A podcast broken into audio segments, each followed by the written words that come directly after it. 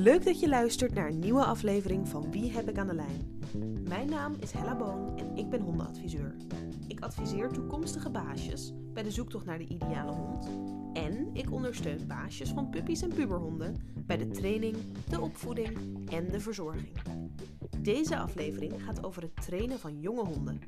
Samen met Kirsten van Hondencoaching Be There praat ik over mijlpalen en spannende momenten tijdens het eerste levensjaar van de hond. Heel veel plezier met luisteren. Welkom Kirsten bij Wie heb ik aan de lijn, de podcast. Uh, je bent de gast vandaag over het onderwerp jonge honden en eigenlijk over mijlpalen bij jonge honden. Maar laten we beginnen met een introductie. Wie ben jij? Wat doe jij? En heb je zelf ook een hond? Nou, ik ben uh, Kirsten en ik ben uh, eigenaresse van hondencoaching There. Ik begeleid uh, mensen die tegen problemen aanlopen met hun honden. En nou ja, ik heb zelf ook een hond, Civic, een Labradoodle. En ja, daar is het eigenlijk allemaal een beetje mee begonnen. Civic die had best wel veel gedragsproblemen in het begin. En ik wist me daar echt geen raad mee. En um, nou ja, uiteindelijk ben ik dus bij een hele goede gedragsdeskundige terechtgekomen. Uh, die heeft mij geholpen. Het bleek dat Civic ook nog allerlei medische ja, dingen had. Waardoor die dus ook die gedragsproblemen zo erg vertoonde. En toen dacht ik van, goh, ja, ik wil ook mensen hiermee kunnen helpen. En ja, toen ben ik dus opleidingen gaan volgen. En ja, zo is het eigenlijk gekomen dat ik in dit vak ben beland. En ja, met Civic gaat het eigenlijk ook hartstikke goed nu. ja, afgezien met af en toe wat mankementjes. Maar ja, wat betreft zijn gedrag ja, gaat het eigenlijk helemaal top. Dus, Wat fijn, wat goed. Ja, en nou ja, zoals ik al zei, we gaan het vandaag hebben eigenlijk over een heel leuk onderwerp. Hè? Eerste keren met jonge honden. Want ik krijg nog wel eens de vraag van... Wat zijn nou de belangrijke dingen die in het eerste levensjaar van een hond sowieso meegemaakt moeten worden? En wat, uh, hoe pak ik de eerste keer een losloopgebied aan? Um, hoe pak ik het aan als ik een tuigje wil aanleren? Eigenlijk allemaal vragen van mensen die een jonge hond hebben... die uh, iets voor de eerste keer moeten gaan doen. Nou heb ik jou gevraagd omdat jij je ook met jonge honden bezighoudt... Um, en het, het, het, voor mij is een beetje de beginvraag van... Goh, um, wat zijn nou echt de dingen waarvan jij zegt... die moet je in het eerste levensjaar van je hond hebben meegepakt. Die vind ik zo belangrijk. Uh, die staan sowieso op je checklist, zeg maar. Um, ja, daar is eigenlijk niet echt een eenduidig antwoord op te geven. Omdat iedereen natuurlijk een ander uh, leven heeft. En iedere hond is natuurlijk ook anders. Maar uh, als ik dan bijvoorbeeld een voorbeeld kan noemen, een hond die, die een ja, vacht heeft die verzorgd moet worden, dus geborsteld, getrimd, dat soort dingen. Ja, daar kan je dan niet mee wachten tot die hond anderhalf is. Daar moet je echt als pup zijnde, moet je daar in kleine stapjes al mee gaan beginnen om die hond dus die vachtverzorging aan te leren.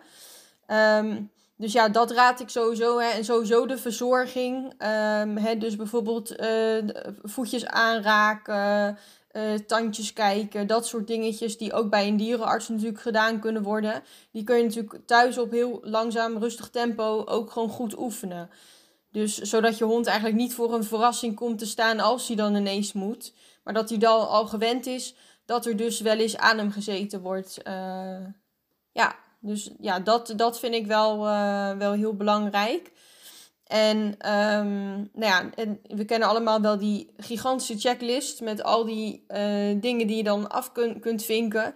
Maar ja, je kan onmogelijk kan je alles gaan, gaan doen met je, met je pup of met je hond. Want ja, die hond die wordt dan overspoeld met prikkels en dan wordt het al gauw weer te veel.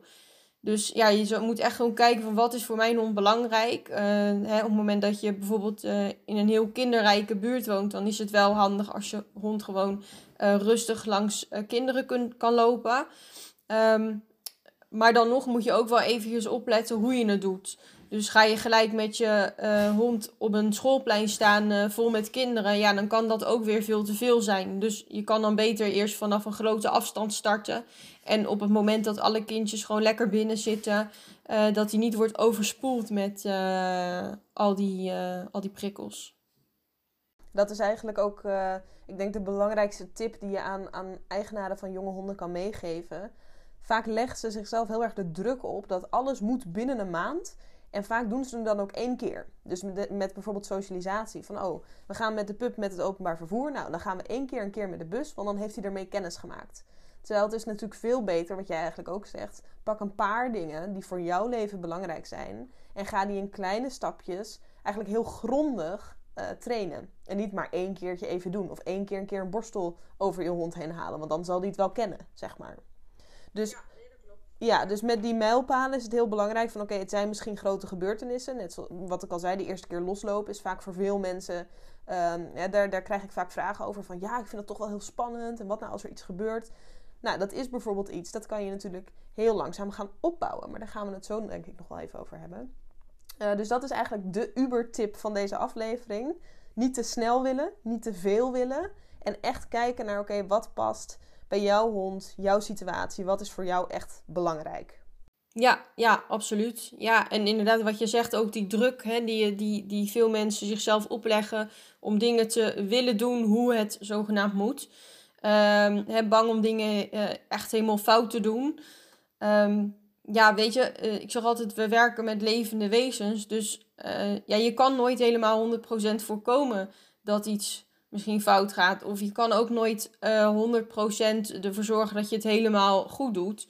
Want wat voor de ene hond betekent dat je het voor helemaal goed doet, kan voor de andere hond weer betekenen dat je het eigenlijk niet goed doet. Dus ja, daar is ook natuurlijk wel wat over te zeggen.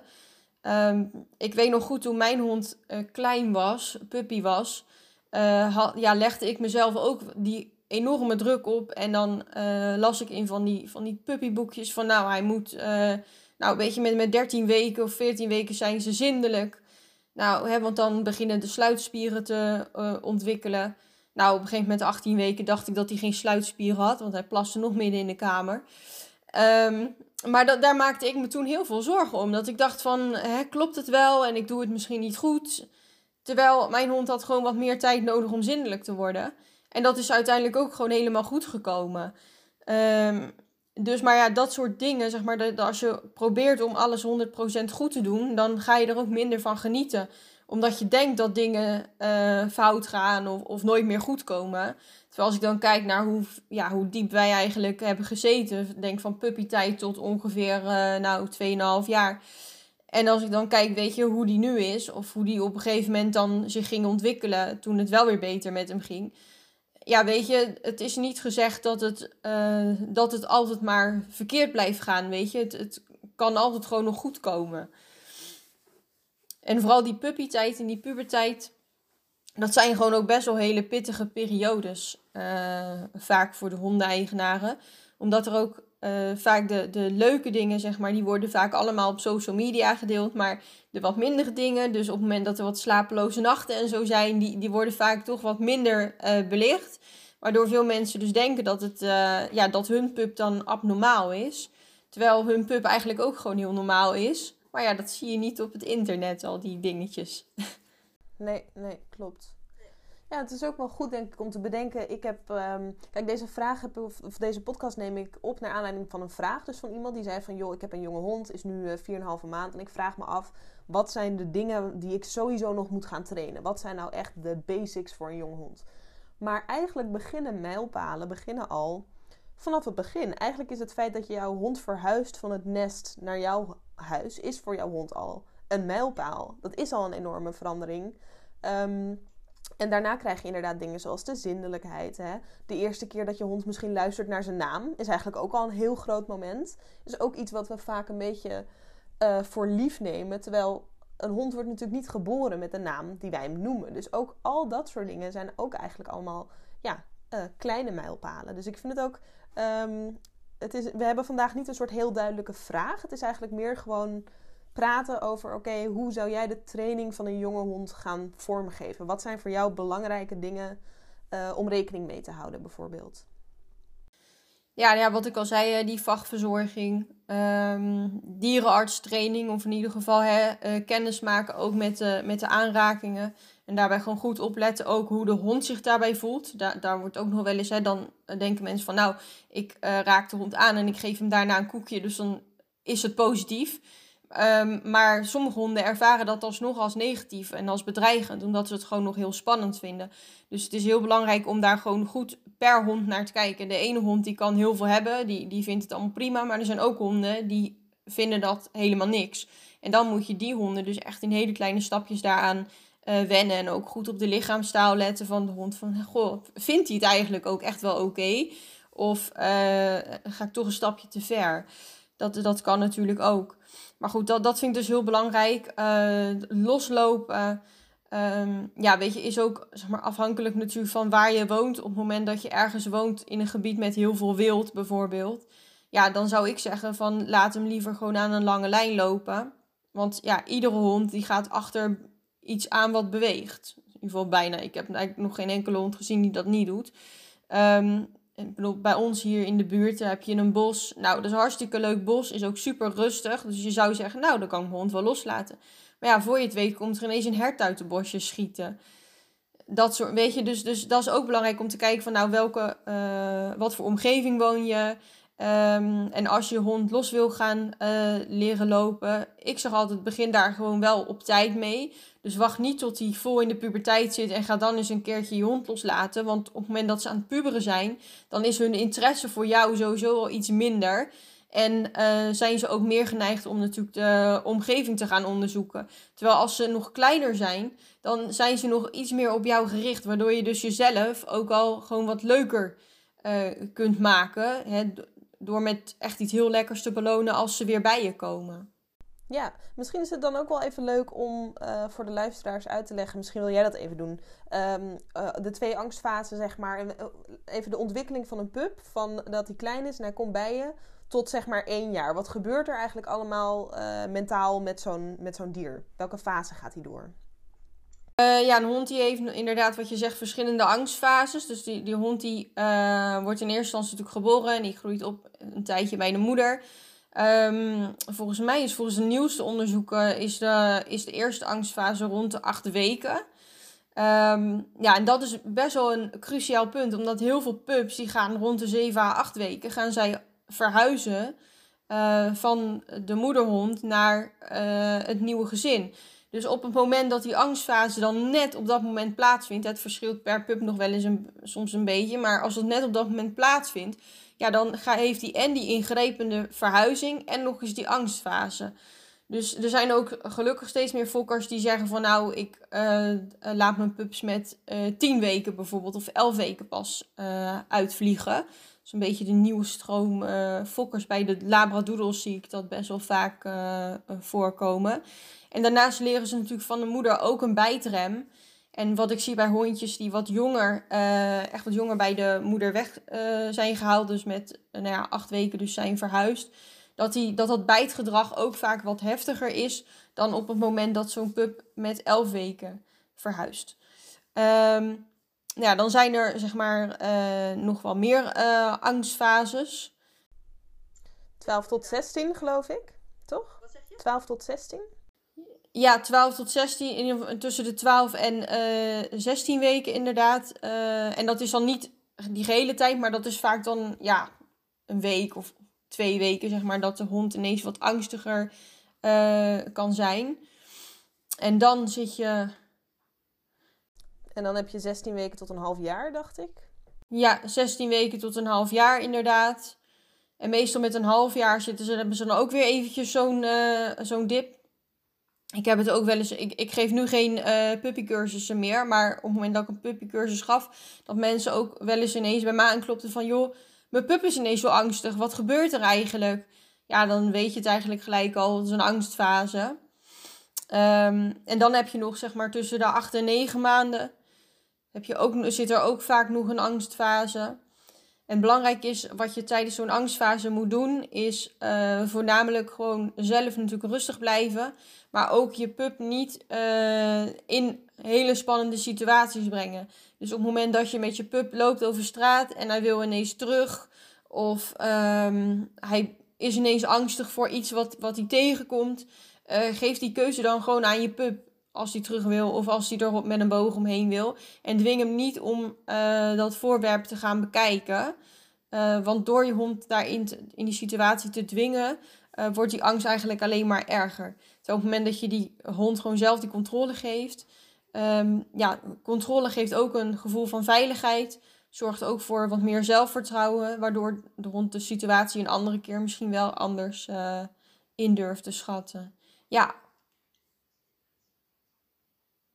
Ja, en in die situatie heb je natuurlijk ook um, heb je natuurlijk twee opties eigenlijk. Je kan inderdaad, wat je zegt, afstand nemen of, of in die zin uh, bijvoorbeeld weglopen. Dat kan natuurlijk als het echt heel heftig is.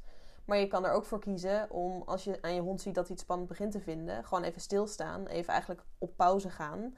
En je hond belonen op het moment dat hij kijkt. Op het moment dat hij uh, wel interesse toont, maar uh, niet zeg maar doodsbang is. Ja, dat kan dan natuurlijk alleen als hij echt niet, als hij niet uh, helemaal in zijn angst zit. Op het moment dat een hond natuurlijk echt in, in de angst zit, dan, dan ben je eigenlijk al een stapje verder. En dan kan je het best gewoon inderdaad uit de situatie gaan. Maar vindt de hond het gewoon wat spannend, dan kun je inderdaad ook gewoon belonen voor het kijken naar uh, hetgene wat hij wat spannend vindt. Ja. Ja, en ik denk wat ik ook nog steeds wel heel veel hoor, zijn eigenaren die bang zijn dat ze angst kunnen belonen. Um, ja. Dat is natuurlijk uh, ook altijd een hele interessante. Ik weet niet wat jouw kijk daarop is. Nee, um, angst is sowieso een, emotie natuurlijk. Dus, um, hè, en emoties die worden, ja, weet je, dat is dan weer heel, heel techni technisch, maar uh, emoties worden gestuurd door een uh, centrumpje in, in de hersenen. Uh, ja, ik noem het ook wel een beetje het angstcentrum. En op het moment dat dat aangaat, zeg maar, dan is die hond, die staat eigenlijk op overlevingsstand. Dus ja, daar kan je niet echt, daar kan je niet voor belonen. Die hond is bang of die hond is niet bang. Um, wat, je wel, wat wel kan, is op het moment dat je natuurlijk uh, met die hond uit de situatie gaat, um, nou ja, dat, dat eigenlijk de angst zeg maar weer, weer minder wordt. Dus, maar op het moment dat je die hond in een situatie laat, omdat je denkt, nou, maar anders dan geef ik eraan toe of dan uh, beloon ik uh, het, het gedrag. Um, ja, dat is bij angst, ja, kan je dat eigenlijk niet belonen. Je kan het eigenlijk alleen maar erger maken door dus in zo'n situatie te blijven. Um, je mag je hond ook gewoon troosten op het moment dat hij uh, angstig is. Jij bent op dat moment zijn veiligheid, zijn veilige haven. En niks is zo naar als dat je als je veilige haven je negeert als je bang bent. Uh, dat versterkt eigenlijk alleen maar het gevoel van angst. Dus ja, ben er gewoon voor je hond. En hè, op het moment dat hij bij je wil kruipen, dan laat hem dat ook gewoon doen. Blijf wel rustig zelf. Dus ga niet zelf ook helemaal in de angstmodus. Want ja, daar heeft je hond natuurlijk helemaal niks aan. Um, maar je kan angst in principe niet belonen. Op het moment dat, jij, dat je hond angstig is en je geeft bijvoorbeeld een voertje en hij neemt het nog wel aan, dan is het niet zo dat je die angst dan, uh, dan beloont. Nee, helemaal mee eens. En ik denk ook altijd van, uh, weet je, als je bang bent, ben je bang. Het is niet alsof je daar controle over hebt. Het is niet alsof nee. jij of ik of de hond kan zeggen van, goh, ja, ik ben zo bang, maar ik ga nou toch maar even doen alsof het niet meer eng is, zeg maar. Als je bang bent, ben je bang en dan wil je gewoon gesteund worden, punt. Ja, en ik bedacht me net ook, is misschien ook nog wel goed om te zeggen. Uh, kijk, die, die angstfase is de reden dat wij natuurlijk een beetje zitten te zoeken. Je, je kent ze natuurlijk, hè? je leert ze in de opleiding of uh, op wat voor manier je dan ook die informatie tot je krijgt. Maar dat zijn natuurlijk van die, van die getallen die vergeet je in de praktijk op een gegeven moment. Want je weet inderdaad gewoon, oké, ik heb een puppy van ongeveer deze leeftijd. Dan zou dit best wel eens een angstfase kunnen zijn. Uh, dat is misschien nog wel goed om te zeggen, omdat we echt wel weer even moesten graven om die exacte. Het, het is natuurlijk nooit zwart-wit. Kijk, onderzoek die heeft dan, uh, dat heeft dan een bepaalde periode uitgewezen. Maar voor de ene hond is dat daadwerkelijk van 12, uh, binnen 12 en 16 weken. En voor de ander zal het misschien net de 17e week zijn. Zeg maar, um, dat is natuurlijk allemaal individu afhankelijk. Dus... Ja, nee, dat klopt. Dus dat is. En ik moet ook zeggen, ik ben natuurlijk echt al een tijdje echt uit uit de puppycursussen. Ik geef nu eigenlijk alleen gedragstherapie. En heel soms kom ik nog wel eens een pup tegen. Want sommige mensen die lopen echt tegen best wel heftige uh, problemen aan. Uh, dus dan schakelen ze mij alsnog in en dan uh, ja, doe ik gewoon een, een consult zeg maar, met een pup. En ik noem het dan meestal ook wel puppy consult. Want ik vind gedragsconsult voor een pup vind ik dan een beetje te spannend klinken. Uh, maar in principe komt het gewoon op hetzelfde neer. Um, maar zeg maar de echte puppycursussen, zeg maar, die, die, die geef ik niet meer. Dus daar wel, ja, weet je, dan uh, zeg maar de informatie die je geeft aan de eigenaren is dan natuurlijk ook heel anders. Op het moment dat je puppycursus geeft, dan geef je eigenlijk wekelijks geef je dus informatie over die angstfases en over dat soort dingen. En um, ja, zeg maar momenteel geef ik dus gewoon voornamelijk de informatie over stress en hoe werkt het angstcentrum dan in, in, het, in het lichaam, zeg maar. Hoe, hoe werkt het in de hersenen um, en wat zijn de reacties daarvan. Uh, lichaamstaal van de honden. Dat, dat zijn dan voornamelijk dingen die ik nu dan van heel veel uh, aan mensen natuurlijk moet uitleggen. Dus ja, dan zakken de angst, angstfases die zakken een klein beetje naar de achtergrond. Maar ja, het is gewoon duidelijk op het moment dat een pup ineens heel angstig is. ja, dan kan je er eigenlijk wel van uitgaan dat het een angstfase is. Tenzij dat de hond natuurlijk iets mee heeft gemaakt waar die heel erg van geschrokken is, dan kan dat natuurlijk ook nog uh, meespelen. En in die angstfase, we hadden het net natuurlijk al een klein beetje over hoe je dan moet reageren op het moment dat hij bang is. Maar um, ik heb ook nog wel eens eigenaren die, die um, het gevoel hebben van ja, ik ben nu alles kwijt. Ik heb alles wat we hebben geleerd. Mijn hond doet ineens super raar. Um, ik vind het altijd wel mooi om nog even uit te wijzen dat, dat training en opvoeding en eigenlijk hè, gewoon het leven met een hond, het is nooit lineair. Dus als je ergens mee bezig bent of je bent iets aan het aanleren of je zit in een proces, dat gaat met pieken en dalen, dat gaat met vallen en opstaan. Soms dan zet je twee stappen vooruit en dan zet je er weer honderd terug, zeg maar. Um, en dat is natuurlijk soms ook wel eens lastig in de opvoeding van een hond. Dat je denkt dat je een mijlpaal hebt bereikt. Zoals bijvoorbeeld uh, het trainen van het tuigje. En hij doet het tuigje aan en hij is blij. En dan ineens, een paar maanden later, is het weer, ben je weer terug bij af, zeg maar. Dat soort dingen kunnen natuurlijk gebeuren. Uh, en dat kan heel lastig zijn als je als eigenaar uh, daar heel erg van baalt of nou ja, whatever. Maar hoe kun je daarmee omgaan? Uh, wat kan je dan het beste doen? Moet je dan gelijk een professional inschakelen? Um, nee, ik zou. Tenminste, het hangt er natuurlijk een beetje van af wat het, wat het probleem is, wat er aan de hand is. Ik zeg altijd: ga gewoon even terug naar de basis. Dus start gewoon even waar je bent begonnen. Uh, dus op het moment dat jij het tuigje op een bepaalde manier hebt aangeleerd in hele kleine stapjes, start dan gewoon even weer bij stap 1.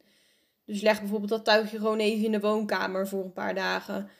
En um, ja, vanuit daar kan je het dan heel vaak gewoon wel weer vrij vlot, zeg maar, weer opbouwen. Maar het hangt wel natuurlijk van, van, het, uh, ja, van het probleem af. Uh, waar, waar, je, waar je tegenaan loopt natuurlijk. Maar ja, mijn advies is eigenlijk altijd om gewoon echt een aantal stappen terug te zetten. En dan gewoon eens te kijken hoe reageert die hond. En op basis daarvan uh, kan je weer vooruit. Of misschien moet je nog wat stapjes achteruit. Dus hè, ja, wat, uh, wat ik aan het begin van deze podcast ook al zei. Hè, het zijn levende wezens. Die hebben gewoon ook wel eens gewoon een slechte dag. Of uh, hè, het, het, het is niet zo zeg maar, dat je ze kunt bedienen met een afstandsbediening. Dus ja, je, je gaat gewoon ja, gewoon een stapje terug en uh, gewoon kijken van uh, hoe, dat, uh, hoe dat bij je hond gaat. En heb je verder nog dingen die je, die je wilde bespreken of waarvan je van tevoren had bedacht van oh, dat wil ik echt nog even zeggen over jonge honden en de training daarvan? Vergeet niet te genieten van, ook al is het af en toe wat lastig, probeer ook de, de standaard boekjes en zo. het is heel fijn dat er natuurlijk heel veel kennis over honden is. Uh, maar, hè, en lees het ook vooral. Maar kijk ook gewoon hoe je er, je er zelf bij voelt. En meestal 9 van de 10 keer is je eigen gevoel. Dat klinkt dan misschien een beetje zweverig. Maar je eigen gevoel is uh, ja, vaak toch echt wel leidend. Dus op het moment dat je bijvoorbeeld op de hondenschool of op een hondencursus of whatever. Of dat er in een boekje staat dat je bepaalde dingen moet doen. En jij krijgt er zelf een vervelend gevoel van. Uh, dat je denkt, oeh ik voel me daar eigenlijk niet zo prettig bij. Dan kan je eigenlijk wel van op, uit, van op uitgaan dat het voor jouw hond ook niet goed is. Dus voornamelijk echt je gevoel volgen, maar ook genieten van uh, wat je hond laat zien. Dus ne neem het, uh, ja, hoe zeg je dat? Neem het gewoon met, met de dag. Dus, dus op het moment dat, dat je hond uh, op een bepaalde manier reageert, kijk er dan naar vanuit het oogpunt van, oh, dat is interessant. Um, hoe zou ik daarmee om kunnen gaan? In plaats van gelijk helemaal in de stress te schieten. Uh, en bang te zijn dat, uh, dat het allemaal mislukt is of dat het allemaal verkeerd gaat. Als ik nu kijk, terugkijk op de puppytijd, maar ook op de pubertijd van mijn hond. Mijn hond was echt geen makkelijke. Ik, hij had ook wel de bijnaam het monster. Want, uh, en het was ook echt wel een monster. Maar achteraf denk ik wel van ja, ik heb daar veel te weinig van genoten. Natuurlijk was hij, ja, hij was pittig, hij was lastig. Voor mij vooral, want hij, uh, nou ja, hij beet mij. Tenminste, hij beet mij. Hij kwam regelmatig even mijn armen hangen op het moment dat het voor hem zelf uh, te veel was. En nou doen natuurlijk wel meer pups dat, maar hij had daar toch een bepaalde felheid achter zitten. Um, en ja, op een gegeven moment was hij anderhalf jaar en toen deed hij het nog. Dus ja, dan zou je denken dat het toch wel een beetje over zou had moeten zijn. Het werd eigenlijk alleen maar heftiger en heftiger, ook soms tot bloedens toe. Dus ja, daar word je niet vrolijk van als je hond dat doet. Maar achteraf denk ik wel van ja, de momenten dat er dus, dat, dat er dus wel leuke dingen waren, kon ik daar ook niet zo goed van genieten. Omdat ik natuurlijk zo bezig was met al die problemen die hij had. En achteraf denk ik wel van ja, daar had ik gewoon veel, eigenlijk veel meer moeten genieten van de dingen die dus wel goed gingen. En eigenlijk gewoon voor iedere mijlpaal, voor ieder ding wat wel goed was gegaan, gewoon een stuk taart moeten kopen. Want die, die momenten waren er echt wel. Maar die werden eigenlijk een beetje overschaduwd door de dingen die niet goed gingen. En dat is eigenlijk, dat gebeurt natuurlijk altijd. Je ziet altijd de negatieve dingen um, meer dan de positieve dingen. Uh, maar dat wil ik echt wel meegeven dat hoe lastig je hond af en toe ook is, of hè, tegen wat voor dingen je ook aanloopt, probeer niet uh, te vergeten dat er ook nog wel dingen zijn die, die wel leuk zijn, of die wel, uh, waar je wel van kan genieten, zeg maar. Nou, ik denk dat dat een hele mooie afsluiter is. En ik wil je heel erg bedanken voor het delen van jouw verhaal en van Civics verhaal. En alle inzichten. En um, ja, dan ga ik bij deze de podcast afsluiten. Heel erg bedankt. Graag gedaan.